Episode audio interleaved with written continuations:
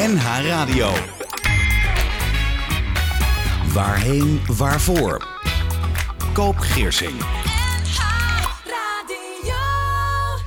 Mijn gast weet wat afscheid nemen is en ze is zelf al verschillende keren opnieuw begonnen. Dus wat dat betreft eh, klopt het aardig. Willeke Breem, een positief, gevoelig en blijmoedig mens. Nou, dat is mooi. En een van een een-eigen tweeling. Goedemorgen, Willeke. Ja, goedemorgen, Koop. Ik vind het heel leuk om jouw gast eh, te zijn vanmorgen. Nou, je bent van harte welkom. Je bent er uh, op tijd uitgegaan vandaag, ja, hè? Ja, want jij woont net even een klein beetje uh, onder Noord-Holland. ik woon in de Meren, dus dat is ongeveer een half uurtje rijden. Ah, dit, ja, je was op tijd, dat is mooi. Jouw zus Gea luistert thuis. En jouw Ja. tweelingzus Mieke, die zit hier vandaag ook in de studio, is meegekomen. Eén eigen tweeling. Jullie lijken Ja. heel erg op elkaar. Zijn jullie ook elkaars spiegelbeeld? Ehm, wij zijn wel verschillend op onderdelen. Zowel qua karakter als qua uiterlijk. En eh, wij merken heel vaak dat mensen wel zoeken naar overeenkomsten. Maar dat wij juist eigenlijk eh, de verscheidenheid wel voorop willen stellen. Ja. Omdat wij het belangrijk vinden om als zelfstandig persoon ook in de maatschappij te kunnen functioneren.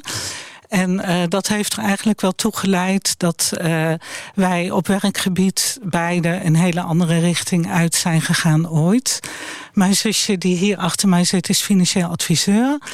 En eh, mijn beroepsleven heeft eigenlijk altijd in de zorg eh, plaatsgevonden eh, op verschillende terreinen. Ja, nou daar gaan we het zo meteen over hebben. Dat is leuk. Ja. En inderdaad, jullie zijn een één-eindige Ja, tweeling. En ja. ik kan in jullie gezicht zien dat dat klopt. Ja. Maar jullie hebben andere haardracht. En je hebt ook niet dezelfde kleertjes aan. Nee. Dat denken wij altijd, hè, die niet een tweeling zijn. Hè? Dat Ja. eh, herken ik. Willeke Breem, zij is vandaag mijn gast in Waarheen Waarvoor. Ze begon ooit met tandheelkunde, kwam later terecht in het klinisch chemisch laboratorium en werkt tegenwoordig parttime ook in de uitvaartzorg.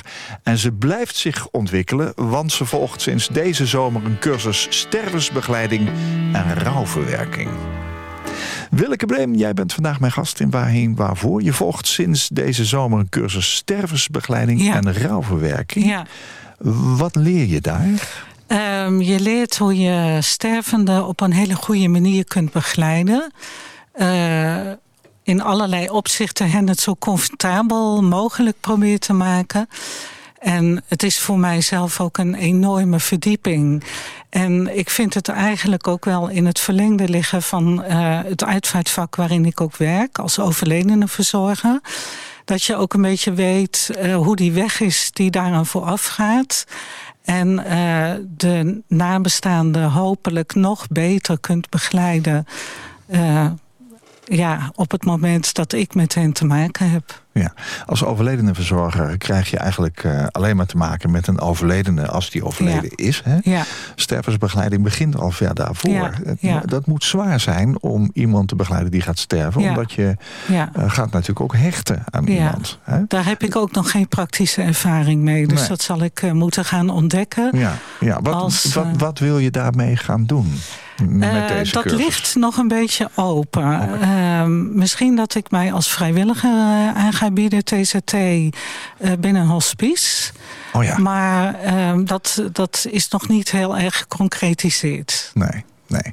Ehm, welke kwaliteiten en vaardigheden moet je eigenlijk hebben om iemand tijdens een stervensproces te begeleiden? Ik denk eh, dat luisteren heel erg belangrijk is. En ehm, ik leer ook wel dat eh, non-verbale taal ook heel erg essentieel is. Ja, En eh, dat, je daar, dat je daarop inhaakt. Ja.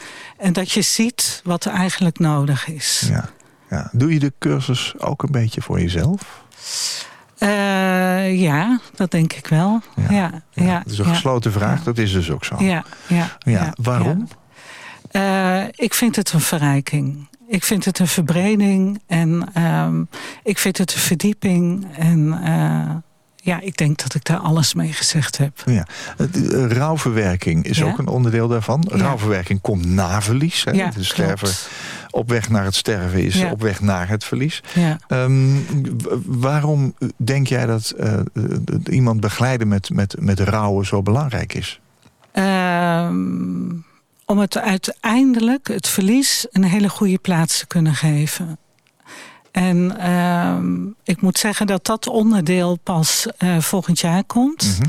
Dus ik kan er nog niet heel erg veel over zeggen wat dat concreet in zal houden.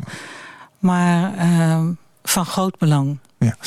Je, hebt zelf ervaring met um, rouw en met verlies. Hè? Je, ja. je, je, eigen ouders gaan straks eens even naartoe.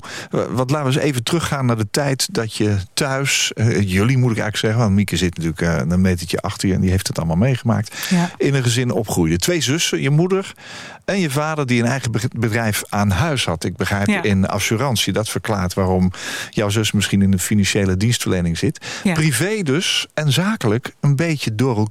Ja. Hoe heeft dat jou uh, beïnvloed? Oh, dat heeft mij zeker beïnvloed. Er werden altijd wel zakelijke gesprekken gevoerd aan tafel ook.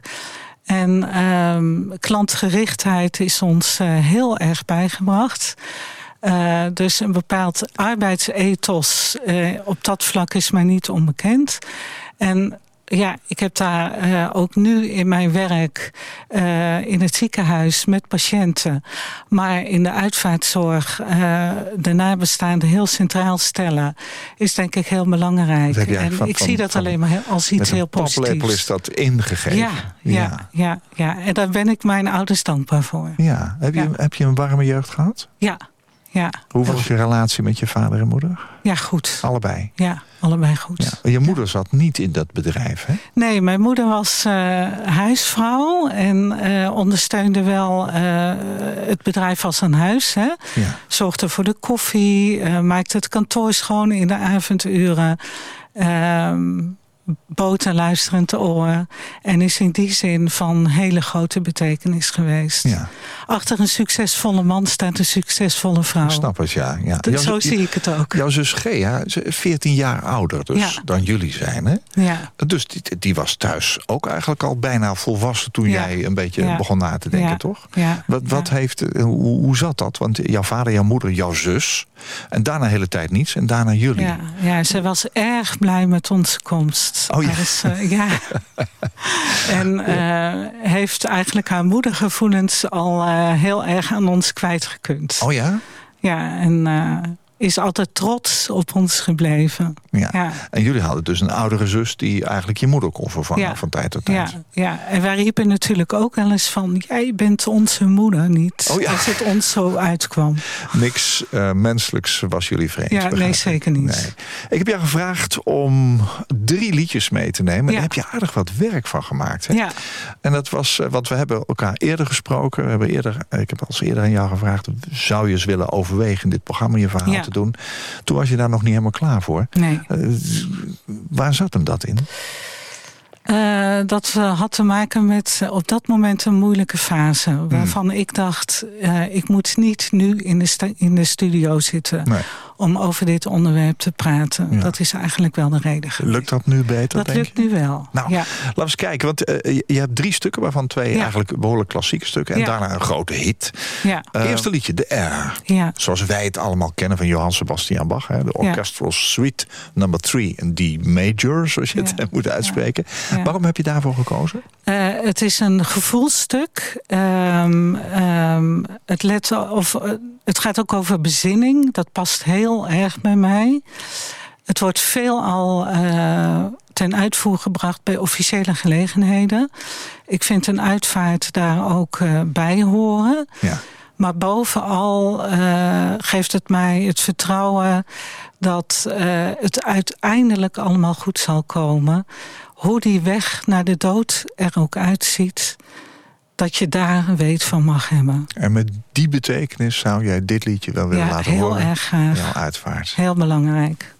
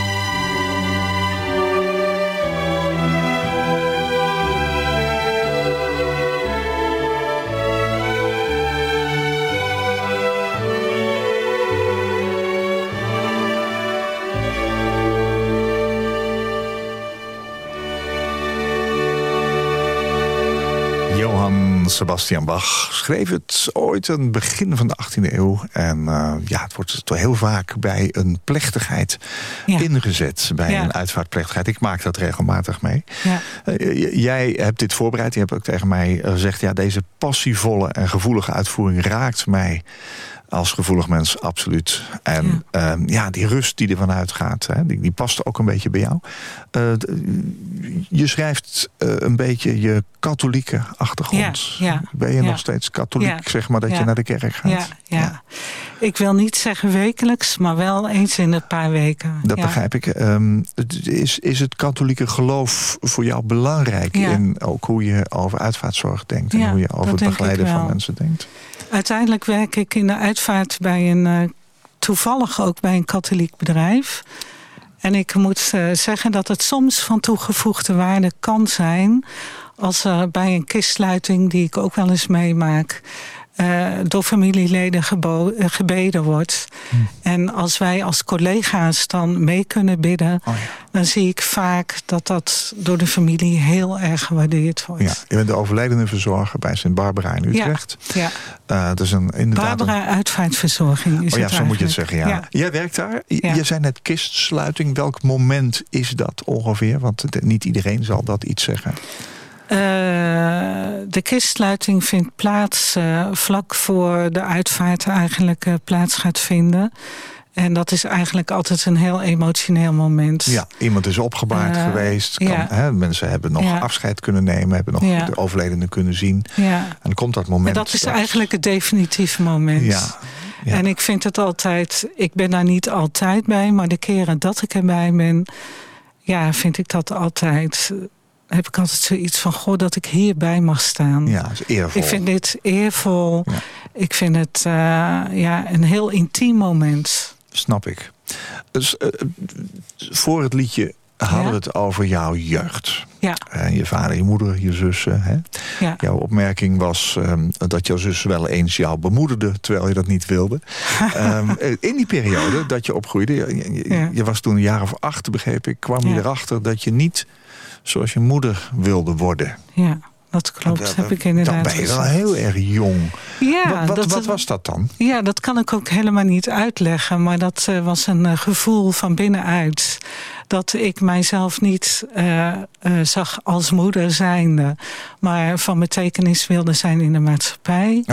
Zo jong en, al? Ja, ja, dus dat komt echt heel diep van binnenuit. En ik heb daar eerlijk gezegd ook nooit spijt van gehad. Ik voel me onvoorstelbaar goed in alle dingen die ik doe. Dus toen wist je eigenlijk al dat je Ja. geen moeder wilde worden... dus geen Ja. kinderen wilde hebben? Ja. Ja, hoewel ik kinderen erg leuk vind, hè, laat ik dat voorop stellen. Maar graag bij een ander. Ja. Ja. En, Heb je, heb je wel eens afgevraagd waar dat door komt? Um, Wat zag je bij je moeder waarvan je dacht van dat wil ik niet? Uh, ik denk het zorgen in huis en niet die buitenactiviteit. Ik weet natuurlijk dat het tegenwoordig gecombineerd wordt. Dat was toen niet. En, uh, oh, je, je, je ging uit van de gedachte van ja, als ik zoals mijn moeder word, dan blijf ik altijd thuis. Ja, want dan ja. werkt, en dat werkt. sprak mij volkomen niet aan. Ja, ja. ja. ja. En da daar heb je toen ook naar geleefd. Ja. Ja. Ja. Wat wilde je worden in die tijd? Want je zegt, ja, ik wilde van betekenis zijn in de maatschappij. Nou, Wat zorg, wilde je toen worden? zorg is altijd denk ik wel een heel belangrijk aspect geweest. Um, en ik ben met de tandheelkunde in aanraking gekomen. En uh, ik vind het een, uh, nog steeds een uh, fantastisch vakgebied. Tandheelkunde? Ja. Als ik aan zorg denk, denk ik aan verpleegkundigen. Ja, maar tandheelkunde is toch ook echt zorg. Ja. Maar ja. goed, ik ga even, blijf even een beetje hangen bij... Uh, je wil ja. de maatschappelijke relevantie ja. doen. En je, je zegt nu zorg. Dat is best bijzonder als je uit een ondernemersgezin komt... waar zorg niet meteen het eerste is. Maar klopt. Uh, geld verdienen misschien wel. Ja, maar zo, uh, mijn karakter staat dat niet echt toe, denk ik. Nee. En kwam dat een stukje van je vader of van je moeder toch? Uh, ik denk uiteindelijk toch wel van mijn moeder. Ja. ja. Ja. Zij was een zorgzame vrouw. Zij was een hele zorgzame vrouw. Ja. ja. Hoe ben je bij die tandheelkunde terechtgekomen? Um, er was een uh, beroepskeuzetest op school en uh, daar scoorde ik nogal hoog bij. En Ja, ik ben het vak ingerold. En ja, ik vind het nog steeds een geweldig uh, vakgebied ook. ik heb in de algemene tandheelkunde gewerkt. Daar kom je met alle aspecten in aanraking. Je kunt heel veel betekenen op het gebied van pijnreductie, functieherstel, esthetiek. Je werkte in een heel klein, op, in een heel klein operatiegebied. Ik ben stoelassistente geweest, vierhandige tandheelkunde. En uh, je kijkt eigenlijk altijd vooruit wat weer nodig is... om een behandeling op een goede manier voor te zetten. En uh, ik betrap mij erop dat als ik uh, iemand ontmoet... Dat, ik, dat mijn blik als eerste nog naar tanden en kiezen gaat. Oké. Okay. En uh, nou, jij, jij komt goed daar, kom, kom ik jij goed komt weg? daar goed oh, doorheen. Oeh. Ja. Dat, dat, dat, daar knap ik weer van op dat je dat zegt. Ja. Uiteindelijk, um, uh, we weten dat je ook nu overledende verzorger bent. Maar Ja. je, je hebt uiteindelijk de stap gezet om naar het Sint-Antonius ziekenhuis Ja. in Nieuwegein te gaan. Ja. Waarom was dat? Ehm, nou, dat had te maken met het feit dat... eh, ehm, wat ik van mijn zusje hoorde... eh, als een praktijk doorgelicht moet worden op financieel gebied... de assistente heel vaak de sluitpost is. En ouder wordend zou ik mij daar heel kwetsbaar mee maken... En uh, dat betekende dat ik toch wat verder ben gaan kijken... en zelf de touwtjes in handen ging nemen. Er was een functie uh, op kaakchirurgie. Alleen... Uh, Dat was toch weer binnen die tandheelkunde. Ja, binnen de tandheelkunde. Ja, ja. Maar goed, die functie was in wezen al voorzien op het moment dat ik reageerde. Ze hebben me in het bestand gehouden. En uiteindelijk ben ik uitgenodigd voor de klinische chemie. Okay. En heb ik dat vakgebied leren kennen. Wat is dat, klinische chemie? Ja, het laboratorium Ja. waar alle testen plaatsvinden. En uh, ook dat vind ik een geweldig beroepsterrein. En daar werk je nog steeds, Daar hè? werk ik nog steeds al heel erg veel jaren lang. Wij werken in een uh, topklinisch ziekenhuis... waar hele bijzondere bepalingen ook plaatsvinden. Waar heel erg veel uitdagingen liggen. Veel trials ook uitgevoerd worden. Wat zijn dat? Uh, onderzoeksprogramma's Oh ja. waar mensen aan meedoen. Vrijwillig. Om de wetenschap verder te brengen. Ja. En ja, ik voel mij daar uh, zeer op mijn plaats. De vis in het water. Ja. Uh, uh, toch is er een moment gekomen dat jij naar die uh, overledene zorg Ja. neigde en wilde. Daar ga ik je zo meteen wat meer over vragen. We gaan even weer naar jouw muzieklijst. Ja. Er Ja. van Bach hebben we gehoord. Nu gaan we denk ik naar een toch wel aardig um, katholiek stuk. Ja, als je het zo mag zeggen. Ja. Ave Verum Corpus. Ja.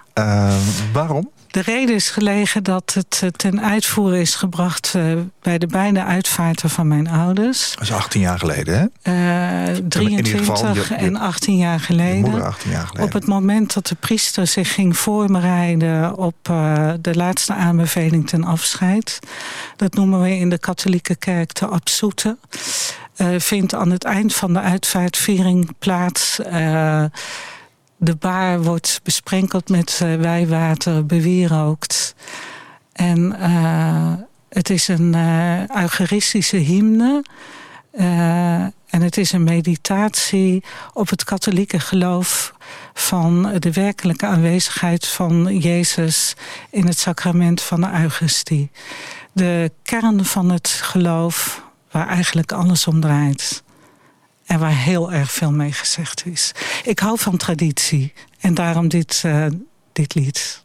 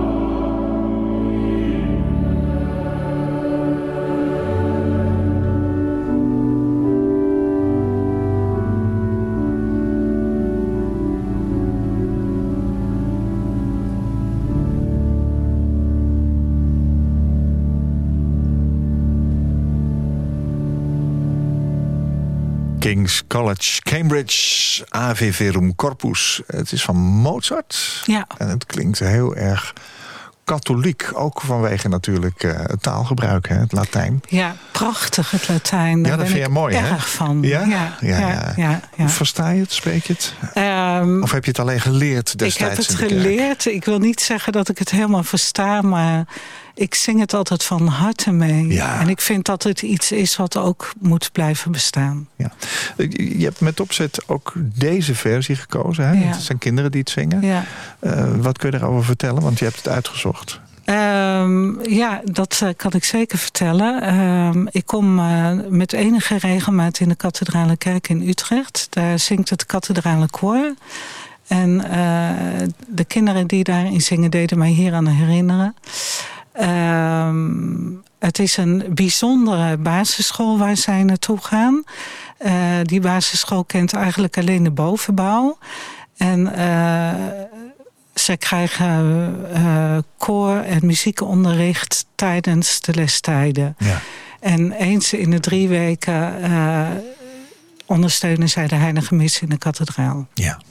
Ja. Vandaar een uitvoering ook met Vandaar, een jongenskoor. En daar heb ik ja. daar naar gezocht Ja, en mooi. gevonden ook. Ja, heel mooi. Het, het zijn uh, nummers die we niet zo heel vaak op NH Radio horen. Nee, dus kan ik ik, ik hoop uh, Ja. dat mensen er plezier mee gedaan hebben. Je bent, heb je ook verteld, inmiddels parttime overledene verzorger. En dat is eigenlijk op het pad gekomen doordat 18 jaar geleden je moeder overleed. Ja. Wat deed haar overlijden met jou? Jouw vader was toen al vijf jaar daarvoor overleden. Dat uh, overlijden vond ik wel heel pittig. Omdat mijn moeder ook een ernstig ziekbed heeft gehad. En wij uh, de laatste maanden voor haar zorgden. Oh ja. En op het moment dat zij overleed, vond ik het, uh, zou ik het heel raar hebben gevonden als ik die verzorging ook niet mede zelf had gedaan. Was dat voor het eerst in je leven? Dat was de eerste keer. En uh, ik had een hele aardige verpleegkundige die mij daarbij ondersteunde. Ja.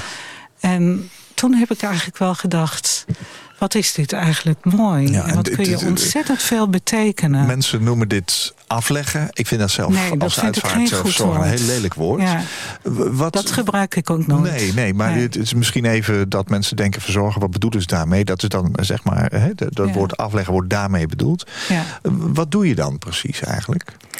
Eh, je verzorgt de overledene. Wat is eh, dat, verzorgen?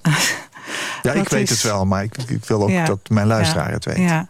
Ehm, eh, je, je, ja, je wast ja, niet helemaal eigenlijk alleen de, de, de delen die daarvoor in aanmerking komen. En je kleedt mensen en eh, ja, je legt ze eigenlijk ook heel erg mooi in de kist. En als een eh, nabestaande tegen mij zegt, nog niet zo heel erg lang geleden, ontroerd raakt, erbij komt en zegt: Mevrouw, u heeft mij mijn moeder weer teruggegeven. ja. Dan denk ik. Daar doe je het voor, maar zeggen. Ja, geweldig. Ja, ja. Bij je moeder, je eigen moeder, en dat Ja. voor het eerst doen, is toch, lijkt me toch al heftig. Nee, had ik niet. Nee? Ik, het voelde heel erg vertrouwd. En ik was heel dankbaar dat ik die gelegenheid kreeg om dat te kunnen doen. Ja. Ja. Ja. Waarom vind jij het belangrijk om mensen bij te staan na een overlijden? Want je kunt het hierbij ook laten. Ik heb mijn moeder verzorgd. ja. Dat geeft me een goed gevoel. Ja. Maar je, je wilde dat toch blijkbaar. Nou, ik ben eh, door mijn werk doen. tot de ontdekking gekomen... eh, als wij gebeld worden als verzorgteam... dan komen we namens het uitvaartbedrijf... en komen eigenlijk binnen in de eerste rouw. Eh, het eerste verdriet. En eh, dat verdriet kent vele gezichten. Als het een ouder iemand betreft... dan eh, tref je meestal aan dat er wel... ehm, eh, ja, ik kan heel even niet op het woord komen. Berusting? Berusting is inderdaad. Maar het kan natuurlijk ook zijn dat je binnenkomt bij een familie die een heel onverwachte overlijden meemaakt. En dan tref je een enorme verslagenheid aan. Ja. En eh, daar moet je mee om kunnen gaan. Dat Ja. moet je aan kunnen voeden. Kun je daarmee omgaan? Daar kan ik mee omgaan. Ja. En ehm, ja, ik hoop dat ik altijd van grote betekenis kan zijn. Ja. Jij werkt in het eh, klinische laboratorium. Ja. Eh, je zou zeggen, je hebt een mooie baan. Je doet eigenlijk heel mooi werk. Eh, dat is ook al zorg geven in Ja, feite. Je hebt ook, eh, hè, zei je, contact met patiënten. Ja, zeker. Ehm, waarom dan toch die uitvaartzorg? Wat, wat is daar dan gebeurd dat je dacht van... dit wil ik er nog eens even bij gaan doen? Nou, ik dacht, in, dat, dat ei is wel gelegd bij de verzorging van mijn moeder. Dat heeft altijd in je dat systeem heeft gezeten. altijd wel ergens op de achtergrond gespeeld. Op een gegeven moment kwam er reorganisatie in het ziekenhuis. En toen dacht ik van, ik ga niet afwachten. Oh ja, je dacht, ik, Ik, sorteer eh, weer voor. datgene, Ja, Ja. ik sorteer weer voor. En datgene wat toch nog ergens bij mij leeft, dat ga ik nu oppakken. En eh, ja, dat is heel erg goed uitgepakt. En dat is zo passend bij mij. Ja, het maakt mij heel erg gelukkig. En wat mij vooral gelukkig maakt, is dat leven in twee werelden. Het een kan niet zonder het ander voor mij. Als je, Beide eh, vakgebieden vind ik geweldig. Door de week kijk je als het ware uit naar het moment dat je weer Ja. naar Ja. eh, de overledenzorg kan gaan. En als je dat weer gedaan hebt, ik kom je werk weer op fijn terug. oproepdienst, dus dat betekent dat ik op maandagavond, maandagnacht dienst heb. Dat is natuurlijk altijd afwachten of er een melding komt. Ja. En eens in de week, eh, of eens in de maand, heb ik een weekenddienst. Ik werk met een vaste collega samen. En het voordeel is dat je elkaar op een gegeven moment ook heel goed aanvoelt en weet wat je aan elkaar hebt. En ik denk dat dat voor een familie ook van eh, grote waarde is. Ja, dat lijkt me wel. Ja, Ja. zeker. Eh, zou je kunnen zeggen dat je een gelukkig mens bent op dit moment? Absoluut. Heel gelukkig. Ja? Ja, Dat is mooi om te horen. ja. Ehm, terug even naar de muziek. Ja. Hè? Twee klassieke stukken, waarvan een heel katholiek stuk. Eh, maar nu gaan we naar een hit. ja. Wat gaan we beluisteren en waarom? Eh, Neil Diamond eh, heeft voor mij altijd een grote betekenis gehad. Waarom? Ehm, ik vind zijn lyrics vind ik echt prachtig. Past ook weer bij mijn gevoelige karakter. Ehm, het lied wat ik uitgekozen heb... ehm, verhaalt over twee plekken die van grote betekenis zijn geweest in zijn leven.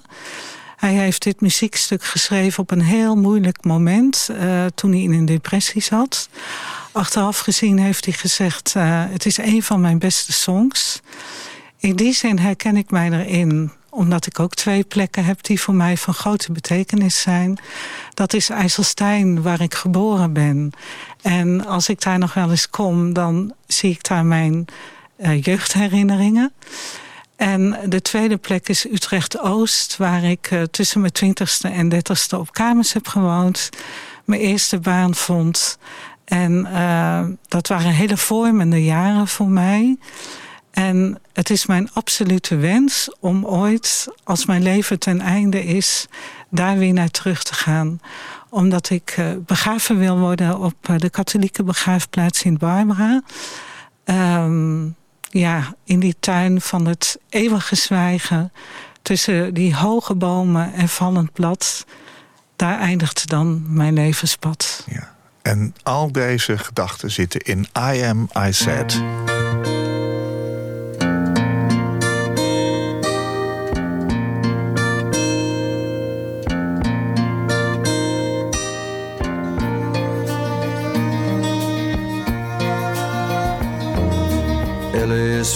The sun shines most the time. And the feeling is laid back. Palm trees grow and rents are low, but you know, keep thinking about making my way back. Well, I'm New York City born and raised, but nowadays I'm lost between two shores. LA's fine, but it ain't home. New York's home, but it ain't mine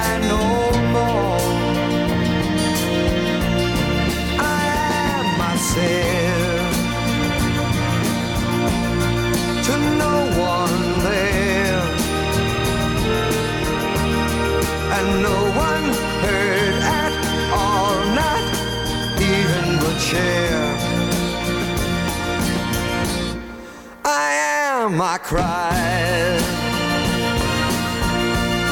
I am, said I,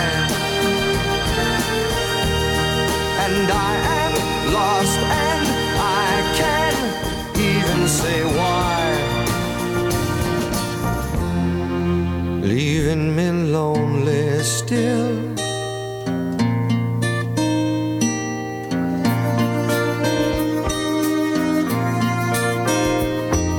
Did you ever read about a frog who dreamed of being a king and then became one? Well, except for the names and a few other changes, if you talk about me, the story's the same one. But I got an emptiness deep inside that I've tried, but it won't let me go. And I'm not a man who likes to swear, but I never cared for the sound of being alone. I am, said, to no one there, and no one heard at all, not even the chair. Am, I cried. I am, said I. And I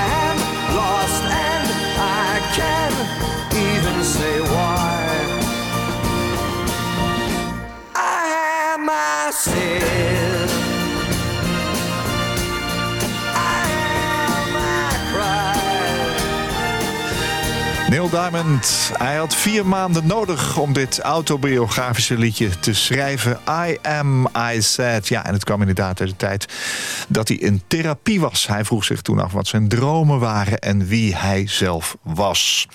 En die drie liedjes die worden gedraaid op de uitvaart van Willeke Breem. Daar willen we het nog lang niet over hebben, Willeke. Hè? Want Nee. dat gaat hopelijk voor jou nog eh, heel erg lang duren. Ja, nog 40 jaar of Ja, zo. ja, dat hebben we niet in de hand, joh. Hè? Nee. Dat kunnen we niet zeggen, hoor.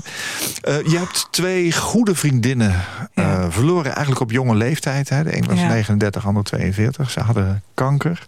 Ja. Hoe hebben die gebeurtenissen jou gevormd? Want daar maak je dat verdriet van zo dichtbij mee. Ja, dat heeft mij heel erg gevormd.